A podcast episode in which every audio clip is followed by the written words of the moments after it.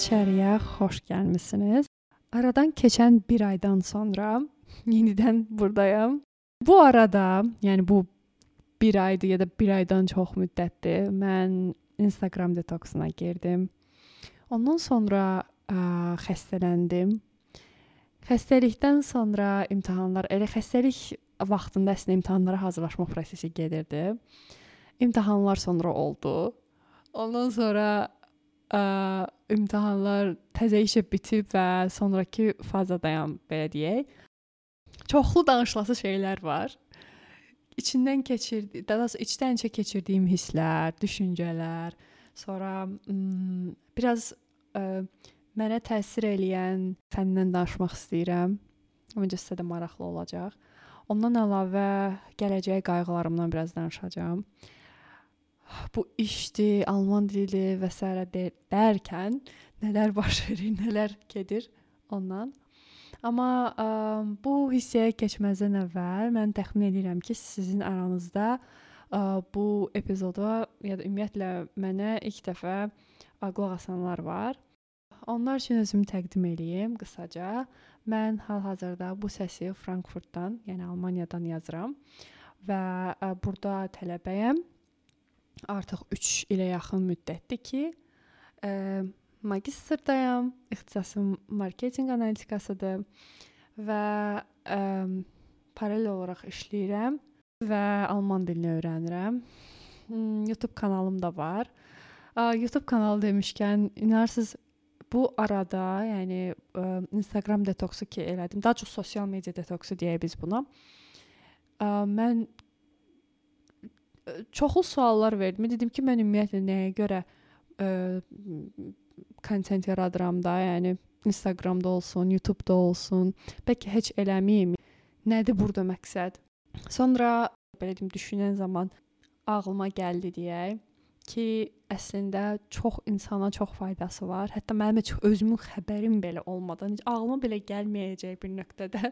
Bəzən elə elə rəylər gəlir ki, mən özüm şoka düşürəm ki, "Vau, mən heç bu bunu yazan zaman heç o, o orada deyildi. Mən heç bilməzdim belə effekt olar." Bu müsbət təsir adama ə, ən azından bu kiçik bir şeyi belə bölüşməyə ə, bir motivasiya verir. Belə gəlin keçək məclisdən içəri.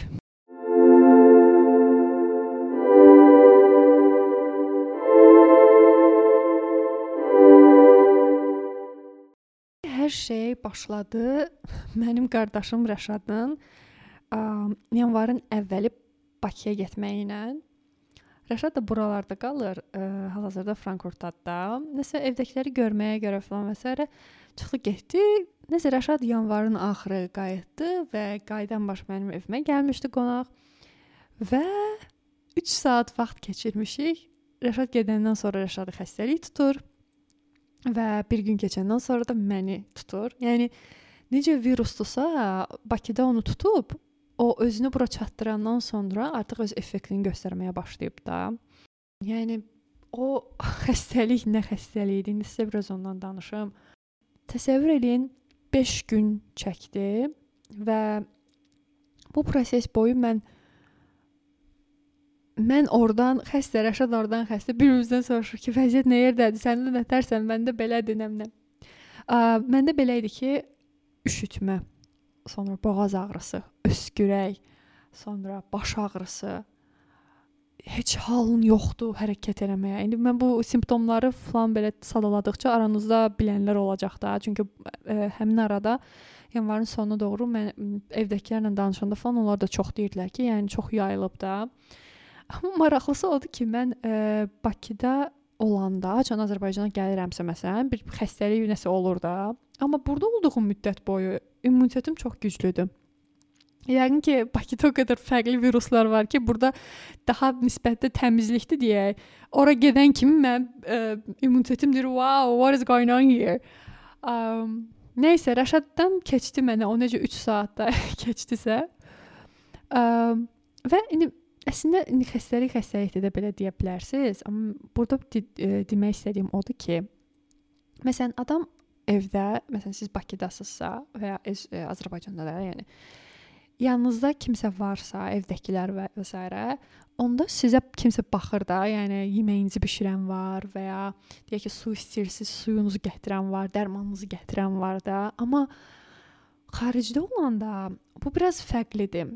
Açığı mənim bu biraz da bu xəstəliyin e, tipindən də asılı olaraq dəyişir. Məsələn, normal xəst başqa cür xəstəliklər olsa, yəni keçici olmayan, yoluxdurucu da. Um, onda heç bir problem olmaz əslində. Yəni kimsə dostlar nə nə qədər dost var da, yəni gəlib sənə kömək eləyirlər və s.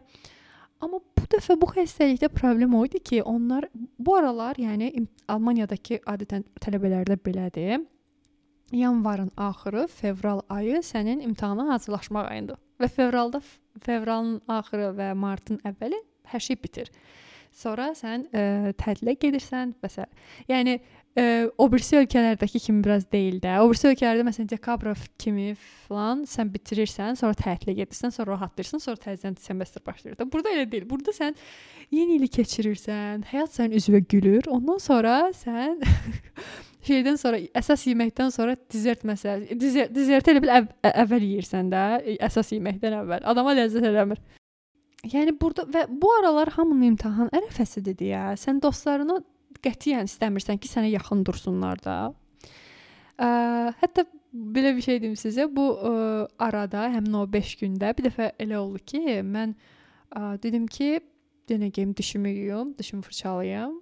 Bir də ayıldım ki, ə, yerdə oturmuşam. Yəni güzgün əl fırçanı almışam əlimə. Ondan sonra fırçalamaq istəmişəm. Ondan sonra ayıldım ki, yerdə oturmuşam da. Nə yaxşı ki, belə sərt bir şey olmayıb da təsəvvür eləyin nə var. bu dəqiqə sizə bu səsi yaza bilməyəcəkdim onda. Dramatikləşdirə biraz məsələni. Amma doğrudan bir neçə saniyəlik ə, özümdən keçmişəm də orada. Yəni o dərəcə vəziyyət oldu. Ə, care package gətirib verənlər ki, nə bilim, zəng eləyənlər, mesaj tez-tez hamı soruşur ki, vəziyyət nə yerdədir falan. Nə isə bir təhər o keçdi, amma yəni o 5 gün ərzində mən ə, kimlənsə kontaktda fiziki olaraq ola bilmədim də. Və sonra ki, elə təsəvvür edin ki, xəstəlik elə bitdi.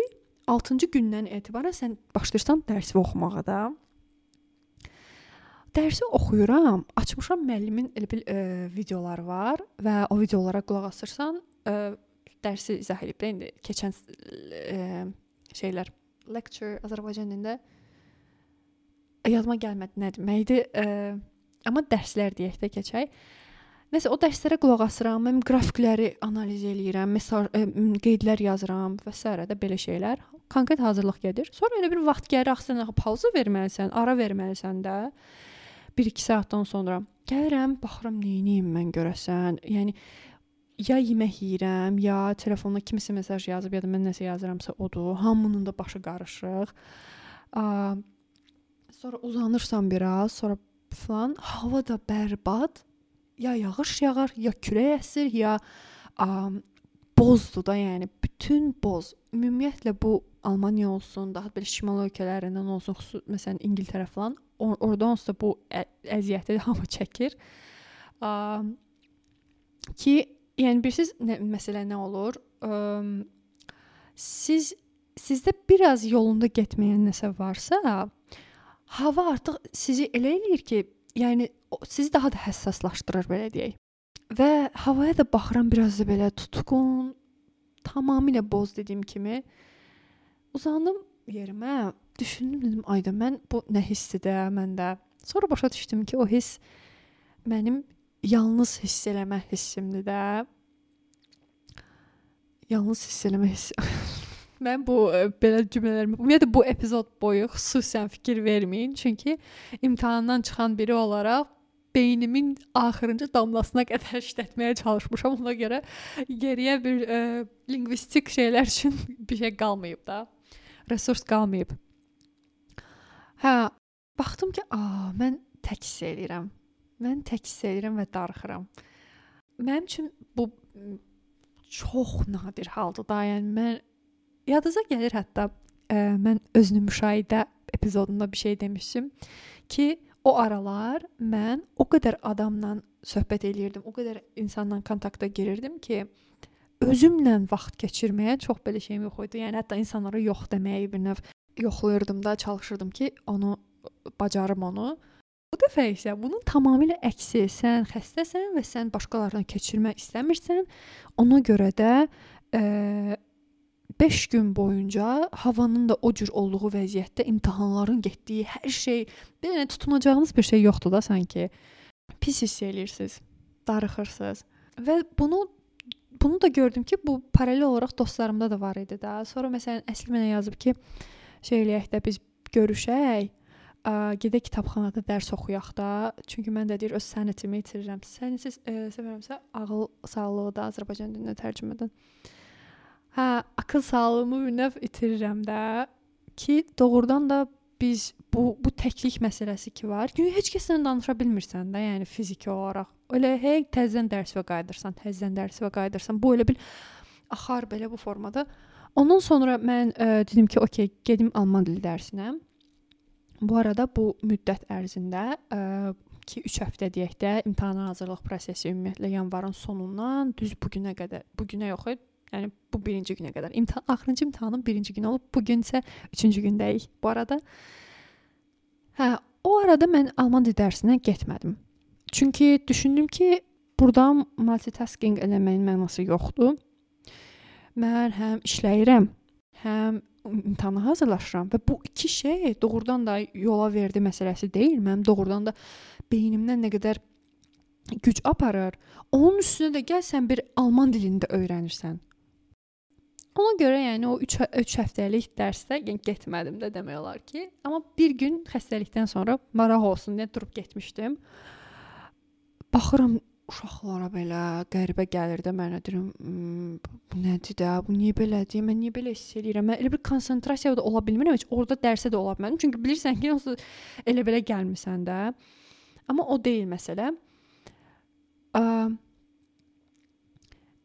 mən belə bir şey hiss eləyirdim o arada. Ə, mənim oxuduğum dərs, mənim hazırlaşdığım imtahan çətindir. Mənim bu bu günlərdə keçirdiyim hisslər, bu depressivlik, depressiya yox, depressivlik hissi, əhval-ruhiyyəsi çətindir mənə.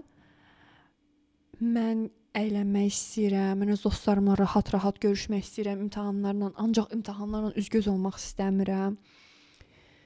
Ə, rahat olmaq istəyirəm də. Yəni davamlı sürətdə bu formada istəm havanın belə olmasını istəmirəm. İnsan kontrol etmək istəyir də. Amma yəni çətindir eləyə bilməzsən. Bu dəqiqə heç bir şey eləyə bilməzsən də. Yəni o hissə, o onu başa düşürsən. Və o çətinlikdən sadəcə sən davam etməlisən. Sadəcə davam etməlisən və elə bir nöqtəyə gələcəksən ki, artıq o hiss artıq ged gedəcək.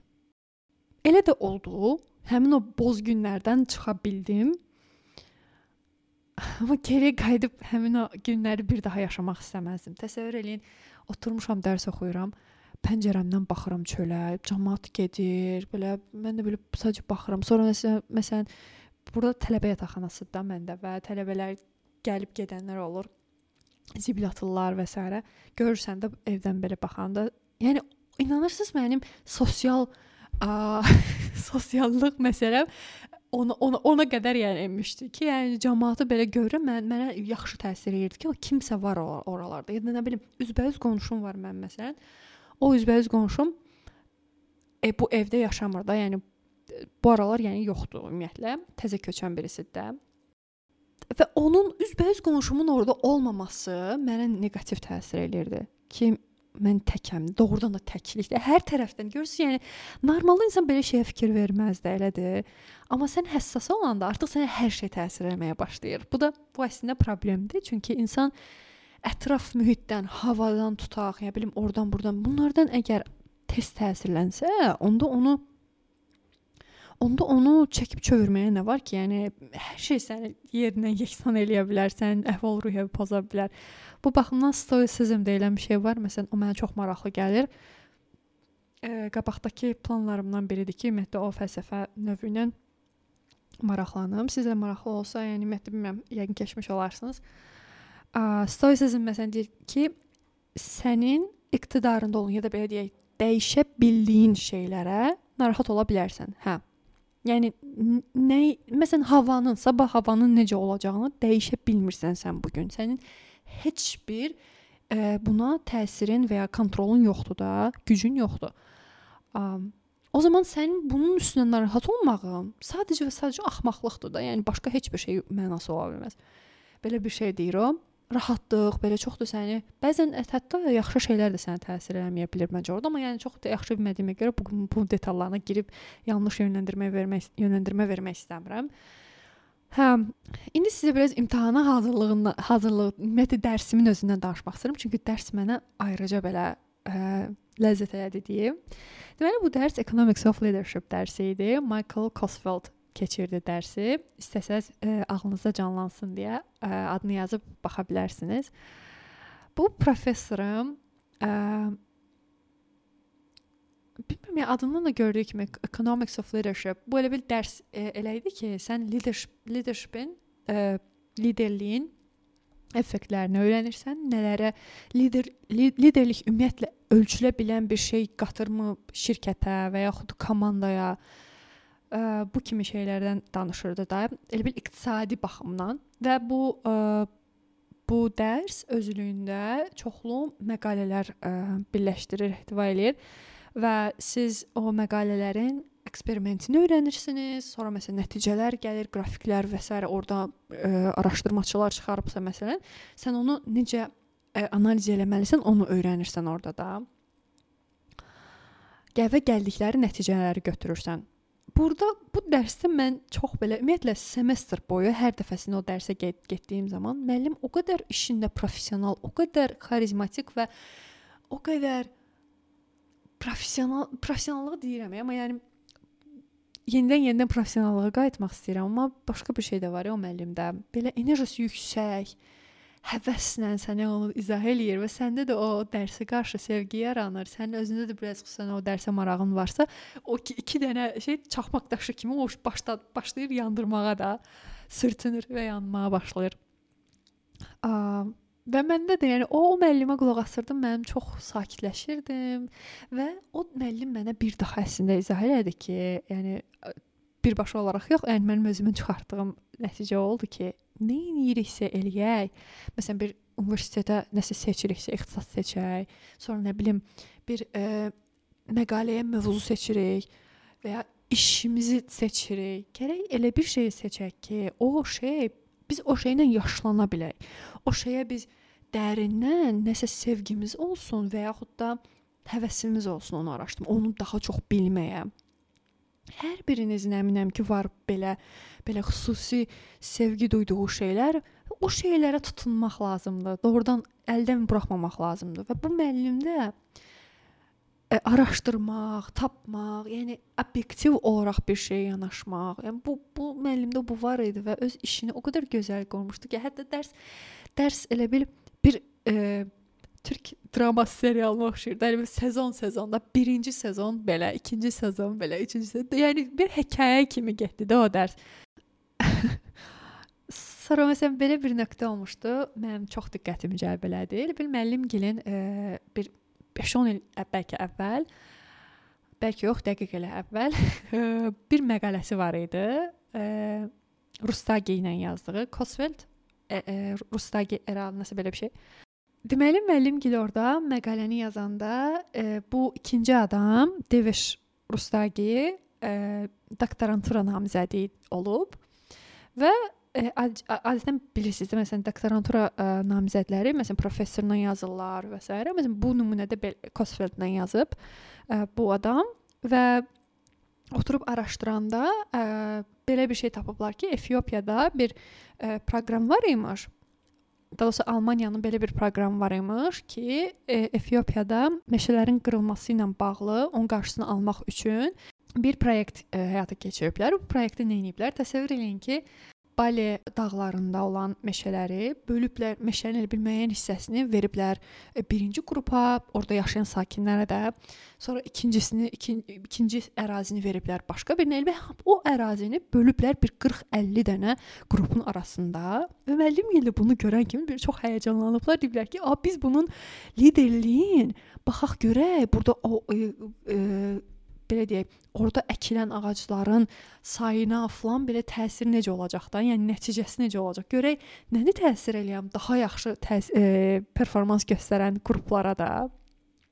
Qruplar e, onlardan müəllim elə bil qalıb Almaniyada ə, e, laboratoriya eksperimentlərində Dev isə həm doktorantura namizədi, o isə durub gedib şeyə, Efiopiyaya. Təsəvvür edin ki, 1-2 ay orada qalıb bir-bir bir kənddən o birisi kəndə bilmədim mən o hissəsi tam eşitmədim. At üstündə gedib, nəyib təsəvvür eləyirsiniz? Yəni bu necə həvəs olmalıdır ki, yəni sən at üstündə bir bir kəndə, yəni çünki başqa bir cür gediş-gəliş yox imiş da. Ya araba dedi, ya bir şey dedi. Yəni çətin, o çətin belə keşməkeşli yollardan durur, gedir bir kənddən o birisi kəndə, orada eksperiment aparır. 2 nəfər məsələn götürür, deyir ki, hə, sən falan kəsin yerində olsan, o birisi adam bu qədər pul versə, sən nə qədər verərsən? Belə-belə şeylər də. Və ə, maraqlı nəticələrə gəlirlər də. Yəni bunu bir 40-50 dənə yer üçün eləyiblər və bunu mən öz-özümə deyirəm ki, biz necə ucuzlaşdırmışıq, əksinə doktoranturanı ə, bizim ölkədə. Yəni məsələn belə heç kəs belə fikir vermir də. Çox təktik də, heç kəs demir. Çox təktik deyək. Və onların Efiopiyada, o dağlarda, o kəndlərdə elə bir ə, prosesdən keçmələri, araşdırma aparmaqları mənə şey gətirdi, bu sual yaratdı ki, görürsən, bax mən Lənkəranlıyam. Görürsən mən Lənkəranda Lerikdə falan məsələn onu o ə, araşdırmanı aparsaydım nə nəticə tapardım? Yəni belə bir şey olsaydı. Ümumiyyətlə bizim cəmaət atıram məsələn Gədəbəy. Gədəbəy cəmaətində məsələn gedib mən araşdırma eləsəm, sonra oturub hesablayıram, eləyirəm görüm nə oldu da axırı. Sizcə də çox maraqlı deyil. Adam öz insanını öyrənmək istəyir. Ə, çünki bilirsən ki, bir tərəfdən də bunu eləyən adam da çox yoxdur. Ona görə bir potensial var orada. O potensialdan istifadə edən yoxdur da. Elə öz xeyrimizə deyək ə, özümüzü daha çox tanımaq üçün. Nəysə, o ağlımın bir ucunda qaldı. Sizin də ağlınızın bir ucunda qalsın. Bəlkə heç hansı belə bir şey eləyə, bilə, e, eləyə bilərik. A, öz ə, tezis mövzularımız üçün, araşdırmalarımız üçün. Hə, yəni belə bu kimi şeyləri adam görəndə ə, mən yəni o o dediyim o boz günlər məsələsində əslində bu dərsi oxumaq mənə çox ə, çox daha başqa yəni təsir edirdi. Yəni məni orada saxlayırdı. Əgər başqa bir dərs olsaydı, bəlkə də bu cür olmazdım. Belə İmtahanın özünə gəldikdə isə imtahanım belə də yəni pis keçmədi, amma daha yaxşı ola bilərdi. Çünki amma yəni amma problem nə oldu? İmtahan günü hazırlaşdım. Uşaqlarla görüşdük ə, və baxdıq və mən gördüm ki, mən onu orada səhv elədim. Çünki mən gərək tək qalardım. Çünki e, hər nə qədər uşaqlarla görüşmək, məsələn, nə isə müzakirə etmək yaxşıdırsa belə, amma imtahan günü mənə, yəni yaramadı o şey. A, və mən yaxşı nəfəs almadım, yaxşı özümü idarə edə bilmədim. Mən həyəcanlı idim, yəni. Amma belə baxanda həyəcanlanası bir şey yoxdur. Çünki Bizdə elə bir proses belədir ki, burada siz kəsilsəniz belə, yəni sizin içinə şans verirlər də. Kəsilsəniz belə biraz da yaxşı sualları görmüş olursunuz. Gedin ikinci dəfə retake eləyin imtahanı və orada təbii ki, kəsilən olubsa sizdən başqa birisi də, amma yəni e, daha e, effektiv olur da müəyyən mənada daha yaxşı bal ala bilirsiniz də. Çünki sualları əvvəlcə görmüsüz. Ona görə əslində məntiqi olaraq mənim e, bir həyəcanım olmamalı idi, amma daha çox həyəcanlı idim. Özümdə deyildim. Um, ona görə beynim tormuz verdi. Belə eksperimentlərdən bəziləri mənim ümumiyyətlə yadımdan çıx detal deyək, yadım eksperimentlər yox, yəni detal yadımdan çıxdığı oldu. Sonra başqa bir imtahanım oldu. Bu semestr sadəcə 2 fən götürmüşdüm, çünki artıq magistrımın sonlarına yaxınlaşıram. O birisi fən çox əzbərçi, çox mənasız fən idi. Adını deyəcəm, siz özünüz biləcəksiniz. Advanced Management. Əzbərçi də, yəni sadəcə əzbərçi, öz hörmətim, yəni sadəcə məcburiyyətdən o fənni mən götürəsi olmuşdum. Çünki bizdə doğrudan da başqa fən yoxdur da, ə, bitirməliyəm və başqa seçimim çox qalmayıb. Ona görə sırf götürdüm, amma o imtahan gözlədiyimdən rahat keçdi. Okay oldum. Yəni belə. Və bu birinci gün imtahanlar bitdi və mən belə nəfəs aldım, sakitləşdim, dedim, okay, belə. Yəni ə, normal yaşayışa davam. Amma belə bir şey var. İndi bilirsiniz nədir məsələ? Bir şey bitir, ondan sonra başqa bir şey başlayır da. Yəni xüsusən də bu transis transitioning e, keçid dövründəsinizsə. Yəni məsələn mən çox belə ə, dönüş nöqtəsindəyəm. Çünki bu bu il mən iş tapmalıyam da. Əgər tam ştata keçməliyəm və ə, bu işdən sonra artıq mənim vizam dəyişilir. Tələbə vizasından keçirəm bu vizaya. Yoxsa işlər çətinləşəcək və bu gələcək qayğısı ə, adamı ə, yorur və mən həmin o boz günlərdə bunu da düşünürdüm və ekstra ə, ekstra pis elirdim. Ə, bununla bağlı ə, Nərgizlə danışırdıq və o belə bir şey dedi. Dedi ki, biz elə hey, elə hey nəyəsə görə yarışırıq da və Xəticə deyir, kitabxanaya gəlirəm deyir. Əgər vaxtında gəlməsəm, yer yer tutulacaq və yəni kitabxanadakı yer üçün belə yarışırıq, yarışıram. Onu mənə deyəndə mənə belə bir növ danq elədi ki, ayda, doğrudan e işlərə müraciət edirsən, nə qədər insanla ə, yarışırsan, dil məsələsi ilə sən ə, kəsib belə bir növ yoluvu saxlayan var. Ə, ə, yəni bu bu nə bilim, həyatını şey eləməlisən də, saxlaya bilməlisən. Sənin məsuliyyətin altındadır da bu dəqiqə. Məsələn, tələbəlikdən çıxan kimi sənin ə, sığorta xərclərin artacaq. Sonra sənin evindən, məsələn, hazırda tələbə yataqxanasındayım və tələbə yataqxanası demək mən az ödəyirəm deməkdir də. Mən oradan çıxan kimi, məsələn 400 avro ödəyirəm mən bu dəqiqə öz qaldığım yerə. Və mən burdan çıxan kimi bu yəqin ki, minimum 2 qatına qalxacaq da yəqin ki. Frankfurt kimi yerdə. Və sən deyirsən ki, "Ah, okey, bu demək ki, mən normal iş tapmalıyam." Və bu hazırki stansiyada mənim elə bir iş yerimdə ola bil ola bilər ki, nəsə bir şey baş versin, amma heç bir şey dəqiq deyil. Və mən ə, burada bu məsələdə məni çoxlu sual, bir sorğu sual elə, elə, elətdirən sözümü qura bilmirəm. məni düşündürən məsələlər var. Bununla bağlı sonra başqa bir bəlkə epizodda danışarıq. Onsuz elə də belə də danışacağıq, çünki bu, bu, bu davam edən prosesdir, yəni. Bu araların aktual məsələsidir. Bir şeylər eləmək lazımdır. Yəni evin də qiyməti qalxacaq, hər şey, nəqliyyatın da qiyməti qalxacaq, hər şey. Ona görə bunu tapmaq lazımdır. Mən də və alman dilini öyrənmək lazımdır. Alman dilini bilmədən çox çətindir burada. Xüsusən də sizin ixtisasınız mənimki kimi insanlarla insanları başa düşmək və ya insanlara nəsə eləyəcəksinizsə çox çətindir. Məsələn, maliyyədə olsun. E, məsələn, IT-dəsinizsə, hə, bu o qədər də problem olmaz. Amma bir digər bir çox ixtisaslarda burada yəni o problem yaşanacaq. Ə, mənim sizə tövsiyəm odur ki, Almaniyaya gələsi olsanız, çalışın ki, Azərbaycanda B2 səviyyəsinə gələsiz. Ondan sonra bura gəlin ki, burdakı ə, adi günlük danışıqlar o birisi insanlarla falan məsələn yəni də ən azından daha belə qabaqda olacaqsınız. Bu arada həmin o dediyim o 3 həftə ərzində ki, dərsə getmədim. Təzəcə dünəndən etibarən dərs, təzədən dərsə getmişəm alman dilinə və ə, e, öyrəndim ki, bizim ə, e, imtahanımız 16 mart tarixindədir. Yəni mənim o professional B B1 səviyyəm. Ə, görək o necə olacaq. Yəni e, əslində bu sözü bura gətirmək istirdim ki, yəni bir şey qutarır, ondan sonra başqa bir şey başlayır. Ondan sonra onu qutaracaqsan, ondan sonra başqa bir şey. Ondan sonra tezis məsələn gəlir. Tezisə müraciət var, professor seçimi var. Ondan sonra artıq başlayırsan prosesə, qutarırsan, orada nə edəcəksən, nə bilim başqa bir imtahana da hazırlaşmaq var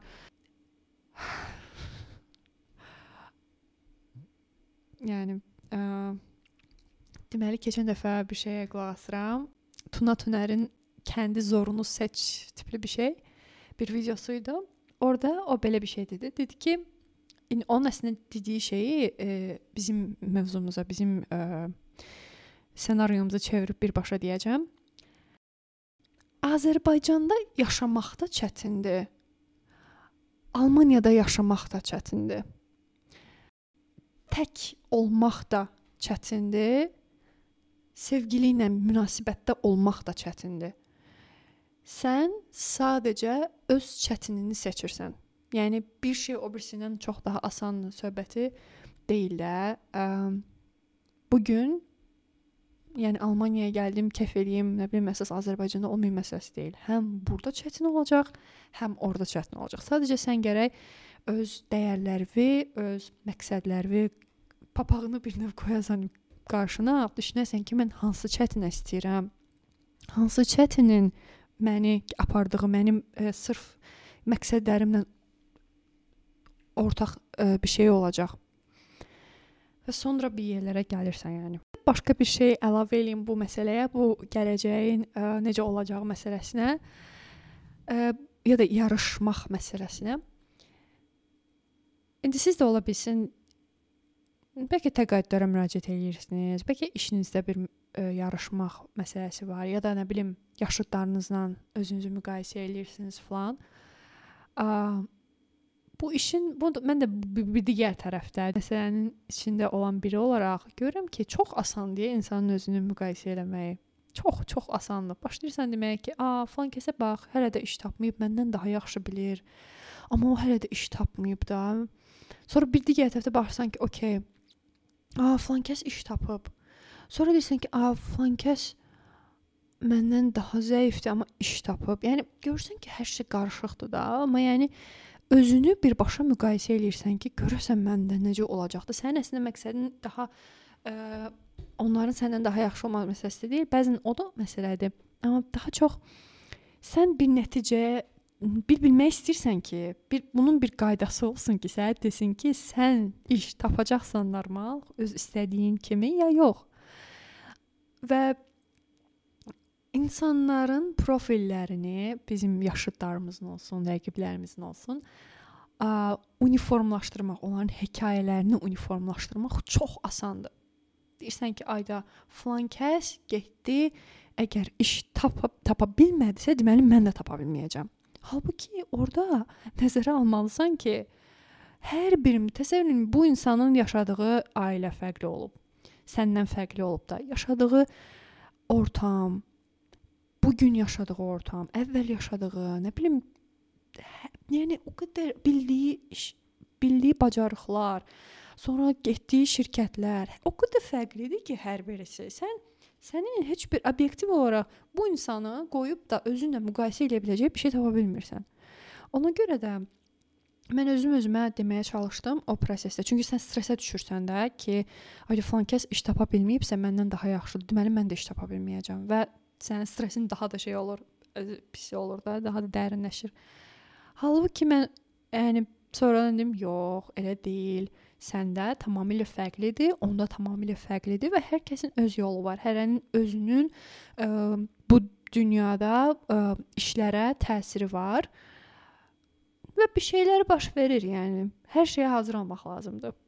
Yəni əgər alındıra bilməsəm, ə, Azərbaycana qayıtmalı olacağam. Gəlin, yəni o onu düşünəydi. Deyək ki, ən pis halda məndə alınmır, tapa bilmirəm bu ilin sonuna qədər və mən Azərbaycana qayıdıram. So what? Mən alman dilini öyrənirəm və alman dilini yaxşı biləndən sonra nə var ki, yəni Azərbaycana müraciət eləyirəm, elə gələrəm. İnsan özünü hazır eləməlidir. Ya da başqa bir ölkədə gedib yaşaya bilərəm. Yəni təsəvvür edirsiniz? Yəni mən bu gün baxıram məsələn də dostlarım, xüsusən də biz deyildi təqaüdçülərində bu hal yaşanır. Bu ə, mənim elmimə gələnlərdə də artıq bizdə dönüş nöqtəsidir. Burada qalırıq, ya qala bilmirik. Yəni bu məsələdir.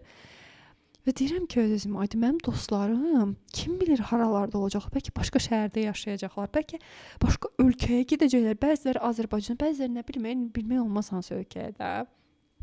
Çox qəribədir. Çox belə dəyişimlərlə dolu. Özün durub baxırsan ki, adam özünə sual vermək istəyir. Görəsən mən istəyirəmmi elə birbaşa ol sonuncu o, o, o artıq dəyişikliklərin olduğu, hər şeyin aydın olduğu nöqtəyə mi gedim, yoxsa davam eləyim indi? Yəni amma məncə davam eləmək, sadəcə o anda qalmaq, çox gələcəklə ə, üzgöz olmamaq lazımdır.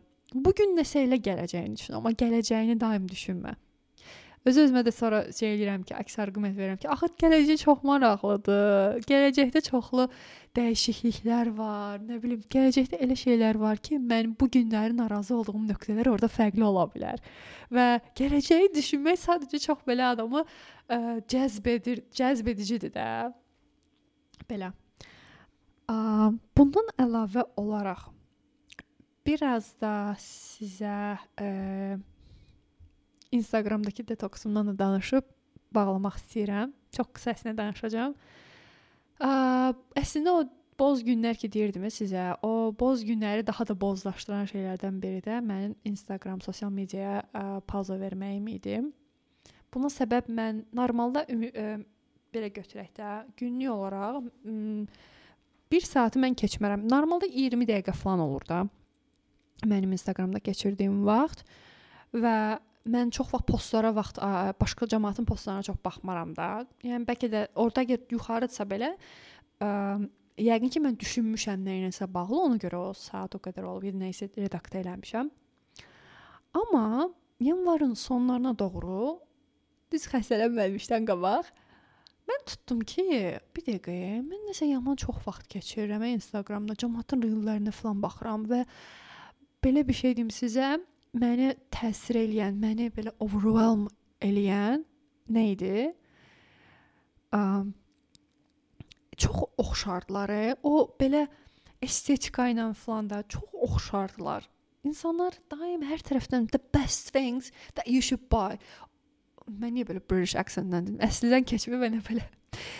The most interesting, nə bilim nə, book, whatever. Yəni belə-belə şeylər o qədər çoxdur ki, sən artıq bir nöqtədən sonra sən, "Ay, bu nədir? Nə baş verir? Nə qədər bu insanlar necə əmindilər bu şeylərdən?" Və sonradan gördüm ki, mənə çox təsir edir dedim və saatın da 1 saatdan çox olduğunu gördüm. Yəni screen time-ımda Instagram üçün keç e, olan görüm yox, e, bu belə getməz.